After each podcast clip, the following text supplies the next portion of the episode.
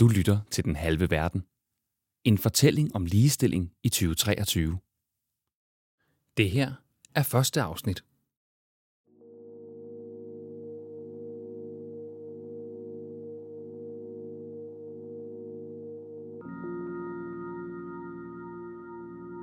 Vores historie er fyldt med kvinder, der var de første til noget. Det har altid fascineret mig, hvordan de rykkede grænsen for, hvad en kvinde kan og må. Og man kan se fortællingerne om de første som en slags røgsignaler fra fortiden. De fortæller os om den fremtid, som vi har mulighed for at forme. Det er som om, at de siger til os, forestil dig en fremtid, som du godt kunne tænke dig, at den så ud. Og gør den fremtid til din nutid. Og nogle gange er det også sådan, jeg tænker om ligestilling i Danmark. For hvis vi ikke er i mål endnu, så er det jo bare at komme derud af.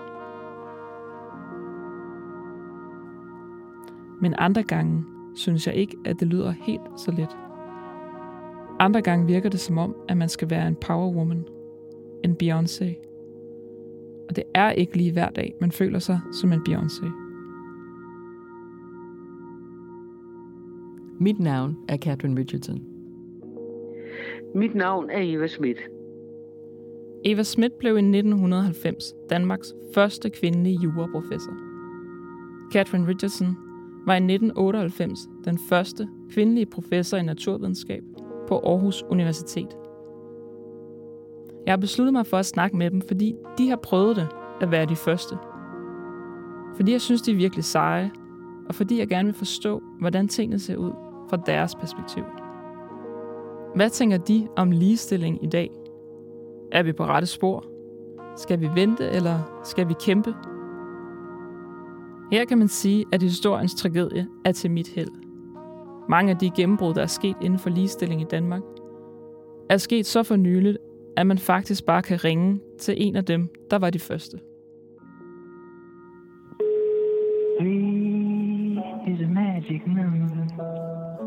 Yes, it is. It's a magic number. Det er Eva Schmidt. Hej Eva, det er Mona. Ja, hej Mona. Danmarks første kvindelige juraprofessor, Eva Schmidt, er i dag professor emerita og er som 80-årig officielt gået på pension.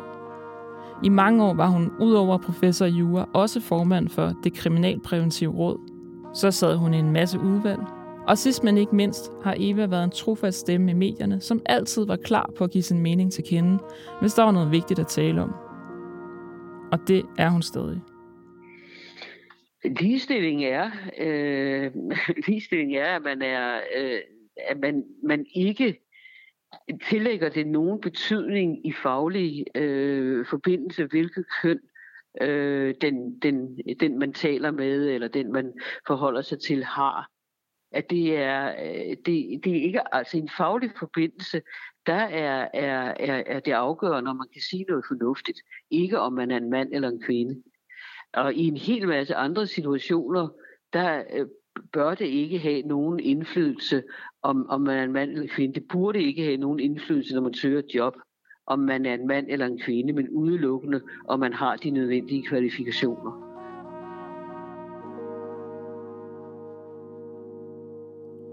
Catherine Richardson er egentlig uddannet havbiolog og var altså den første kvindelige professor i naturvidenskab på Aarhus Universitet. I dag er hun et dansk fyrtårn inden for det, man kalder systemtænkning. En banebrydende og tværfaglig videnskab, som kan hjælpe os med at forstå, hvordan vi mennesker påvirker planeten. På Københavns Universitet er hun derfor leder af Sustainability Science Center. Og så er hun medlem af Klimarådet, der årligt kommer med anbefalinger til dansk klimapolitik. Men det er ikke derfor, jeg har inviteret Catherine forbi. Jeg vil spørge hende om noget helt andet, end det hun normalt bliver spurgt ind til. Hvordan ser det ud med ligestilling i Danmark fra hendes perspektiv?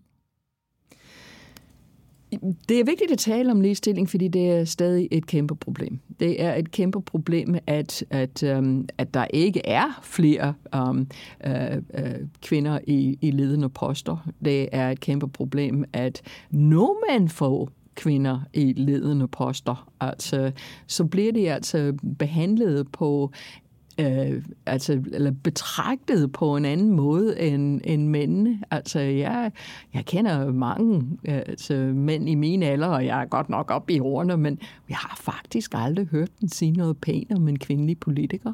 Altså, de er altid lidt pushy, du ved. Altså, er det ikke lidt intens eller lidt... Og vi så, vi så her i går faktisk, var der en, um, en, en, en diskussion mellem en, uh, den to kvindelige statsministre fra, fra vestlige udviklede lande, Finland og New Zealand, hvor, hvor journalisten spurgte dem, nu er I to piger på samme alder, har I ikke meget at snakke om? Jamen det har de da, fordi de er statsminister, men du vil aldrig have, at to mænd bliver spurgt, hvis de havde samme alder, om ikke de havde meget at snakke sammen om, fordi de havde samme alder. Altså, vi har virkelig nogle ting, som vi tager bare for givet i vores samfund, som, som som er forkert. De skulle simpelthen ikke være der. Og bevare mig vel, det ved at blive bedre, altså, og det tror jeg faktisk er takket være måske MeToo, men, men da jeg var den første kvindelige professor nogensinde i naturvidenskab på Aarhus Universitet, og vi taler sidst i 90'erne, jeg var den første kvindelige professor i naturvidenskab, og så var der, det var forsiden af universitetsavisen, og så var der et billede af dekanen, som lige havde ansat mig, og mig, og vi er inde i en, det helt, de satte helt billeder op, og, og i dag vil jeg aldrig gå med til det, vel, men altså, dekanen sad, stod et trin højere op end mig, og jeg stod og kiggede op på ham med store, taknemmelige øjne, og, øhm, og overskriften i avisen var, hun gør dekanen glad. Ej. Det vil trods alt ikke ske i dag, vel? altså, Ej, det vil det godt så, nok ikke. Men vi, vi taler altså Hold op. Altså, sidst i, i, ja. i 90'erne. Men ja. folk så det, anså det ikke som øh, stødende. Jeg tror, jeg var måske den eneste dengang, der, der syntes, hey, det, det her, det er ikke rigtigt. Når man som Catherine var den første, og nogle gange den eneste kvinde, og når man havner på forsiden af universitetsavisen på den måde, hvorfra får man så modet til at rykke på tingene? Jamen altså, der tror jeg, altså, at man er nødt til at, at gå tilbage til min opdragelse for at være helt ærlig. Altså, og det var, det var sjovt, fordi det, det så jeg ikke dengang. Men, øhm, men øh, jeg blev op, jeg er opvokset i en familie, hvor, hvor det var vigtigt, at man, man, man gjorde sit øbeste, og man kunne det helt, og man skulle også sige fra. Vi var tre piger, og, eller en, tre piger og en dreng, hvor drengen var nummer to i alt det her. Og, og min mor var en enorm stærk, veluddannet kvinde, der havde arbejdet indtil hun fik øh, børn. Og det var, altså jeg annoncerede, da jeg var 12 år gammel, at jeg ville være havbiolog. Heldigvis fortalte mine forældre, at det, altså, at, at de, de, de fortalte mig ikke, at det ikke var noget, som kvinder gjorde, blandt andet, fordi det var det var det bragte uheld at, øh, at, at tage en kvinde med på et skib. Det var først, da jeg kom ud i verden, og jeg opdagede, hvor pokker jeg havde altså skrevet mig op til. Og, altså, min første togt, hvor, hvor, hvor kokken bankede en kniv mod, mod øh, øh skibsid hele tiden, mens jeg var i nærheden for at holde de, de onde altså ånder, eller hvad det nu var, der skulle komme, fordi jeg var en kvinde ombord på, på, på skibet. Så, så jeg har haft altså, jeg har haft nogle meget interessante øhm, øh, øh, situationer i mit, mit liv, fordi jeg valgte at lave noget, som kvinder egentlig ikke gjorde. Husk nu, at jeg taler 70'erne, jeg, da jeg er ved at blive uddannet. Og, øhm, og, og altså, at øh, det, her, det, det har bare aldrig, aldrig været en del af min bevidsthed, at der var noget, som, som kvinder ikke gjorde. Langsomt op gennem Danmarks historien er kvinder og mænd blevet lovmæssigt ligestillet. Dørene til samfundets institutioner er blevet åbnet, så man i dag ikke længere skal bruge sit køn som adgangspas for at få lov til at være med. Universitetet er et af de steder, hvor det har rykket sig år efter år. Det har været altafgørende, at de rykker sket. Men det er ikke kommet af sig selv.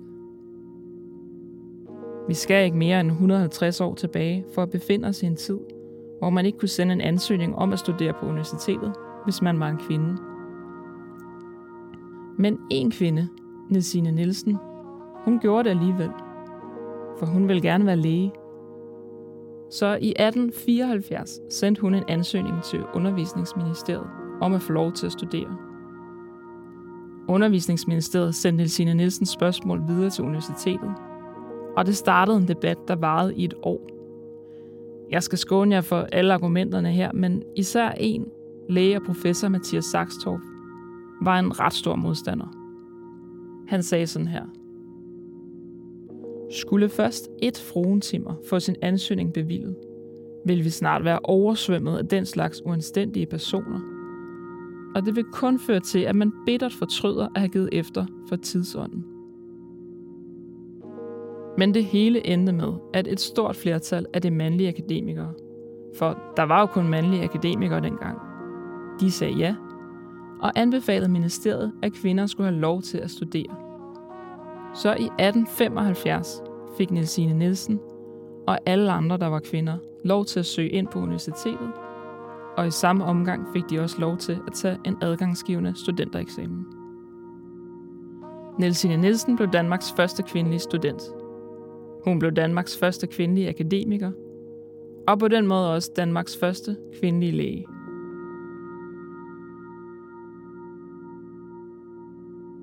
I dag har hver anden kvinde i alderen 30-35 år gennemført en videregående uddannelse. De seneste 20 år har universitetet optaget flere kvinder end mænd. Næsten lige mange mænd og kvinder gennemfører en Ph.D. Men så stopper det også. For der er dobbelt så mange mandlige som kvindelige forskere ansat på de danske universiteter. Og der bliver færre og færre kvinder, jo højere man bevæger sig op i systemet. Tal fra Uddannelses- og Forskningsministeriet viser, at på de danske universiteter er det kun hver fjerde professor, der er kvinde. Men måske så det bare tid for kvinderne at bevæge sig op ad karrierestigen. Det spurgte jeg Eva Schmidt om. Jamen altså, jeg tror simpelthen, altså når der er flere øh, mandlige professorer end kvindelige professorer i dag, så er det fordi, de er uddannet for 20-25 år siden, og dengang var det sådan, at der var mange flere mænd end kvinder. Da jeg læste jura i sin tid, var der også mange flere mænd end kvinder. Men i dag er der jo en, en overvægt af kvinder, der læser jura, og derfor vil det jo også, vil der jo også i, i de kommende år, øh, det er jeg ret sikker på, så vil der også komme flere kvindelige professorer. Ligesom der er kommet flere kvindelige dommer, vil der også komme flere kvindelige professorer og flere kvindelige advokater for eksempel. Øh, det, det, øh, det kommer fordi, øh, fordi øh, øh, kønssammensætningen på jura er anderledes nu. Det mærkelige er bare, at det går meget langsomt. For selvom der dengang Eva læste jura i start 70'erne, var meget færre kvinder end mænd på studiet, så har der lige siden slut 80'erne været et flertal af kvinder blandt de jurastuderende på Københavns Universitet. Men i dag, mere end 30 år efter, er det stadig kun cirka hver tredje juraprofessor, der er kvinde. Selv siger Eva, at det var lidt af et tilfælde, at hun i 1990 blev den første kvindelige professor i jura. Jeg tror altså, at nu, nu taler vi mest om, øh, om tilfældigheder, om jeg så må sige. Ikke? Altså, der havde været, øh, der havde været en tradition øh, for det fag, som var mit fag, nemlig proces. Og der havde været en tradition i mange år for, at man, man i, i, øh, på fakultetet først blev professor i proces, og så senere kom man over i det fag, som var ens øh, egentlige interesse. Der var ikke så mange disputater og sådan noget i proces. Men øh, Hans Gammeltoft Hansen havde faktisk skrevet disputat i proces, da han blev professor. Og så blev han jo Folketingets ombudsmand, og dermed skulle man have en professor. Og så var jeg jo sådan set den eneste, der også havde skrevet en, øh, en disputat i proces af de ansøgere, der kom. Så det, det var nok mere et tilfælde, end at det, det specielt var, var, øh, var mine meritter. Men Eva blev den første kvindelige professor. Og hun så det aldrig som en hindring at være i mindretal. Jamen sådan, ja, sådan har jeg aldrig tænkt på mig selv. Øh, jeg har altid nu, er jeg også barn af, af to akademikere. Det var jo rimelig sjældent på det, det, tidspunkt, og min mor også var akademiker. Så der, jeg har aldrig tænkt på andet, end at jeg kunne blive præcis det samme, som mænd kunne blive. Og der er heller ikke noget, jeg har heller aldrig oplevet noget, som tyder på, at jeg ikke skulle være, øh, skulle være på fuld, på fuld lige fod med dem. Så øh, altså, øh, jeg, jeg har ikke, øh, det, det har aldrig faldet mig ind, at, at der skulle være nogen forskel, og, og fordi jeg var en kvinde, så var der et eller andet, jeg ikke kunne. Øh, men det er klart, at den omstændighed, at jeg var den eneste kvinde, det, jeg, jeg tror egentlig, jeg har egentlig nærmest set det som positivt. Nå, nu ser Eva noget, hvad må hun har at sige, ikke? Altså, nu kan man jo aldrig vide øh, med sikkerhed, hvornår noget er kønsbestemt, og hvornår noget ikke er kønsbestemt. Men altså, jeg kan, jeg kan huske, at, at mens jeg læste, øh, der var der en dag ved en eller anden, ved nogle timer, vi havde, hvor jeg, hvor jeg sagde et eller andet, og så sagde øh, den underviser, vi havde, nej, hvor er det godt, sig det, Eva. Tag lige og gentage det, så vi er sikre på, at alle har hørt det. Og så sad der foran mig sådan to, to drenge fra, øh, fra, fra Hellerup formentlig, ikke med, med sådan blæser og med nogle attachikasser og sådan noget. Og den ene af dem vendte sig om og sagde til mig, har du selv fundet på det? Øhm, og det kunne man, hvis man ville, godt opfatte som sexistisk. Men jeg opfattede det bare som om det ærgerede ham, at det ikke var ham, der havde fundet på det, om vi så må sige. Jeg så det ikke som en, en øh, det havde noget at gøre med, at jeg var kvinde. Den der selvfølgelighed i, at alting var muligt, deler Eva Schmidt måske med Nelsine Nielsen. Også selvom at alting altså ikke var muligt for kvinder dengang. Og selvom det måske heller ikke er virkeligheden for alle i dag. Altså, det har været virkeligheden for mig. Øh, jeg ved ikke, om det er virkeligheden for alle. Og der er jo no, det er jo tydeligvis, der er nogen, der mener, at, at de bliver stoppet. Og det er jo også tydeligt, at der er områder, hvor, som er i, i højere grad besat med, med, med mænd end med kvinder. Men øh, min vurdering vil være, at det, det kommer af sig selv, om jeg så må sige. Det er jo allerede begyndt at komme. Du kan se, denne gang er næsten halvdelen af de personer, der er valgt ind i Folketinget, de er faktisk kvinder, ikke? Altså, for 40 år siden var det måske 20 procent, eller sådan noget, hvis det var så meget. Så det kommer jo, og jeg kan jo, i mit eget fag kan jeg jo se det meget tydeligt, så at sige, alle byretsdommer, ej ikke alle, men, men jeg vil tro 80 procent af alle byretsdommer er kvinder i dag. Og i hvert fald halvdelen af, af landsdommerne er også kvinder. Det er så ikke helt noget højesteret endnu, men det kommer jo der også. Ikke? Altså, jeg tror også, det er rigtigt, at, at, at øh, hvis der sidder en mand, der skal vælge en ansøger, så kan, der, kan han godt i sit baghoved synes, synes bedre, eller den manden kommer måske med, med, en, med en indstilling, som han synes minder mere om, sin, om hans egen, og derfor synes han bedre om den ansøger, derfor vælger han en mand. Det kan sagtens være rigtigt i nogle situationer, men, øh, men jeg tror, jeg tror altså, det bliver, det bliver mindre og mindre udbredt, fordi jeg tror flere og flere, også virksomhedsledere og andre, bliver opmærksomme på, at øh, det afgørende må være fagligheden. Ofte bliver ligestillingsdebatten gjort op i forskel på generationer. Men måske kan man ikke altid dele det op på den måde. Eva Smith og Catherine Richardson har på hver deres måde været de første. Men de har oplevet noget vidt forskelligt, og ser vidt forskelligt på tingene i dag.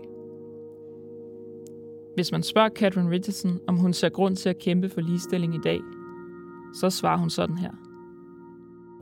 Det er mere relevant nu, end det nogensinde har været, fordi tidligere var det så indlysende, at der var et problem, at, at man kunne sagtens forstå, at man råbte op.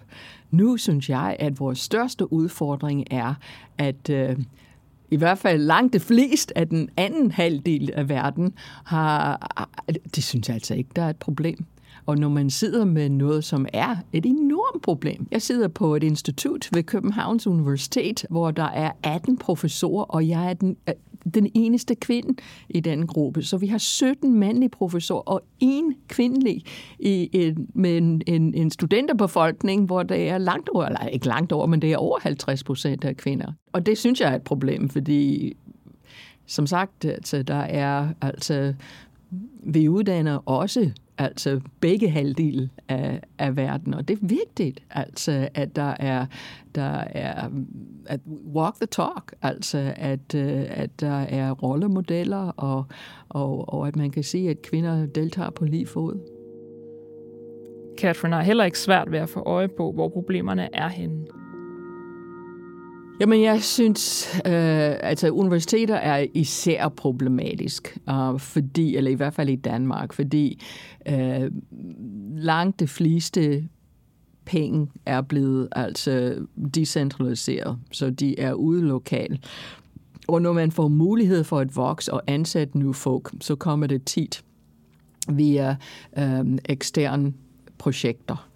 Og, og det betyder, at den, den person, som i sagens natur var nok en mand, der har fået skaffet det her, har meget at sige i uh, ansættelse af, af den person, der kommer ind. Ikke for at sige alt at sige. Og, um, og det, jeg tror, det er meget naturligt, at det er deres egen mandlige studerende, som de, som de fremmer og bringer ind i, i den situation. Og nu har vi godt nok en regel på Københavns Universitet, at man må ikke gennemføre en ansættelse, medmindre der har været kvalificeret ansøger af begge, begge um, øh, øh, køn.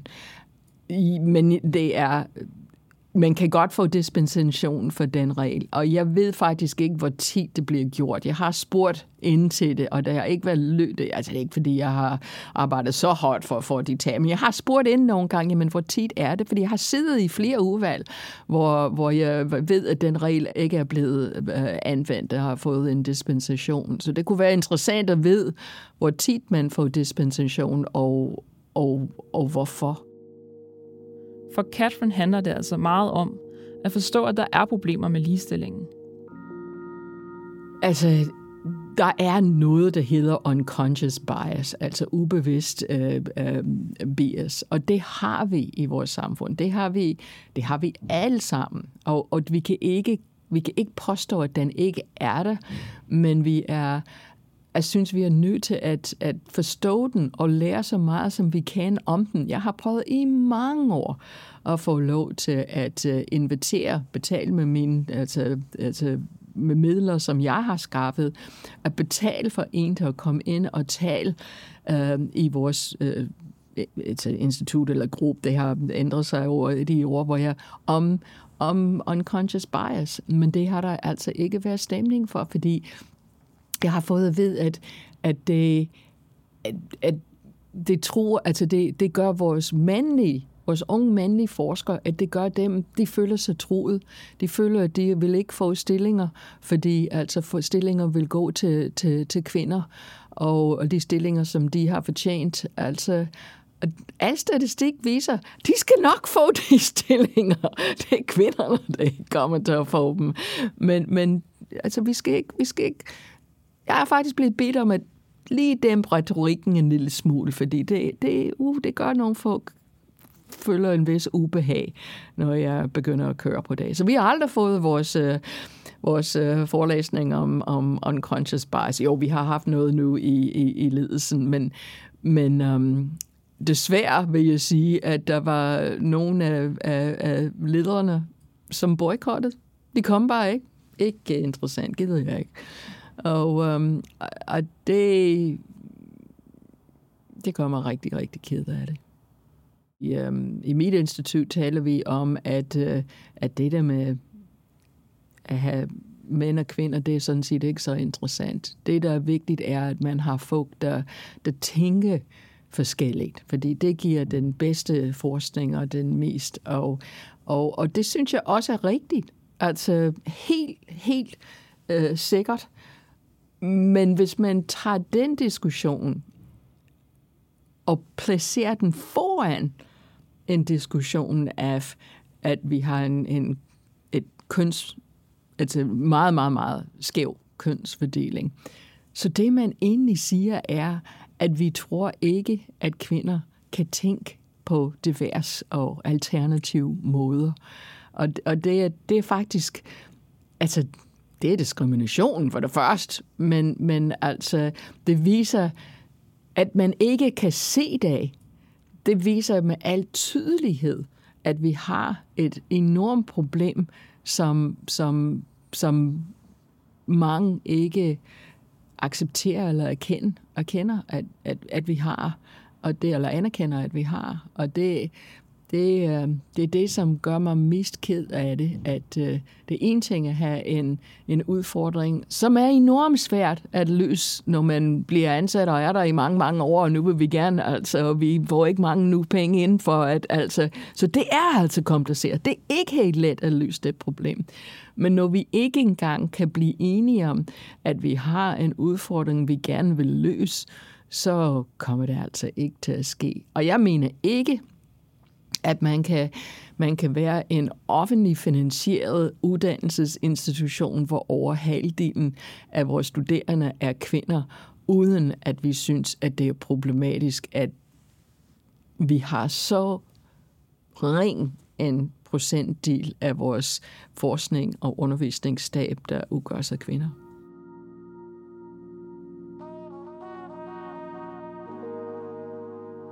Når man indimellem støder på Catherine Richardson i medierne, virker hun aldrig til at være bange for at sige sin mening højt. Hvis der er noget, der virker forkert, så siger hun det. Men er det anderledes at sige sin mening højt om ligestilling?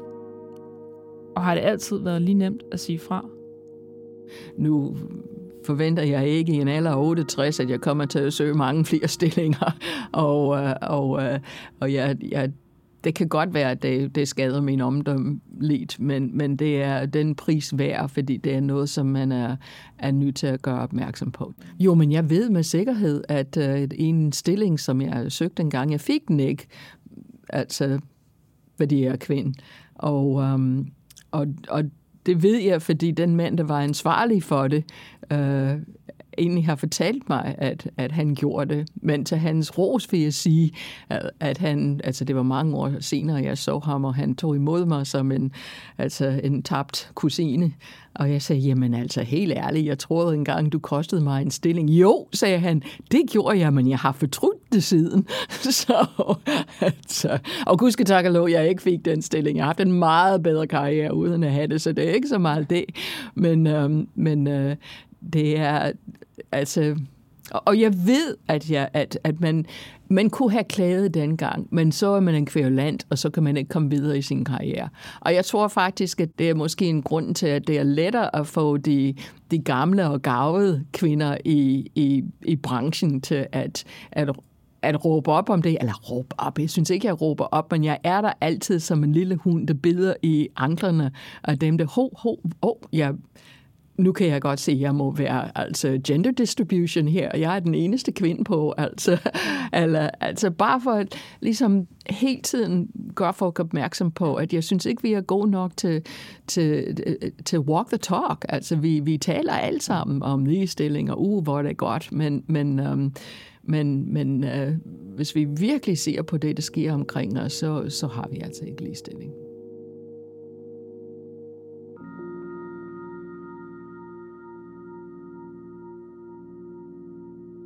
Spørger man Eva Schmidt, hvordan vi får mere ligestilling, bringer hun et andet perspektiv på banen.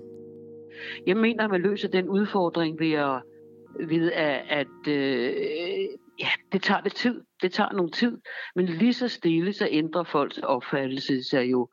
Men, og det, det er sådan set også derfor, jeg, jeg er altså meget stor modstander af kvoter.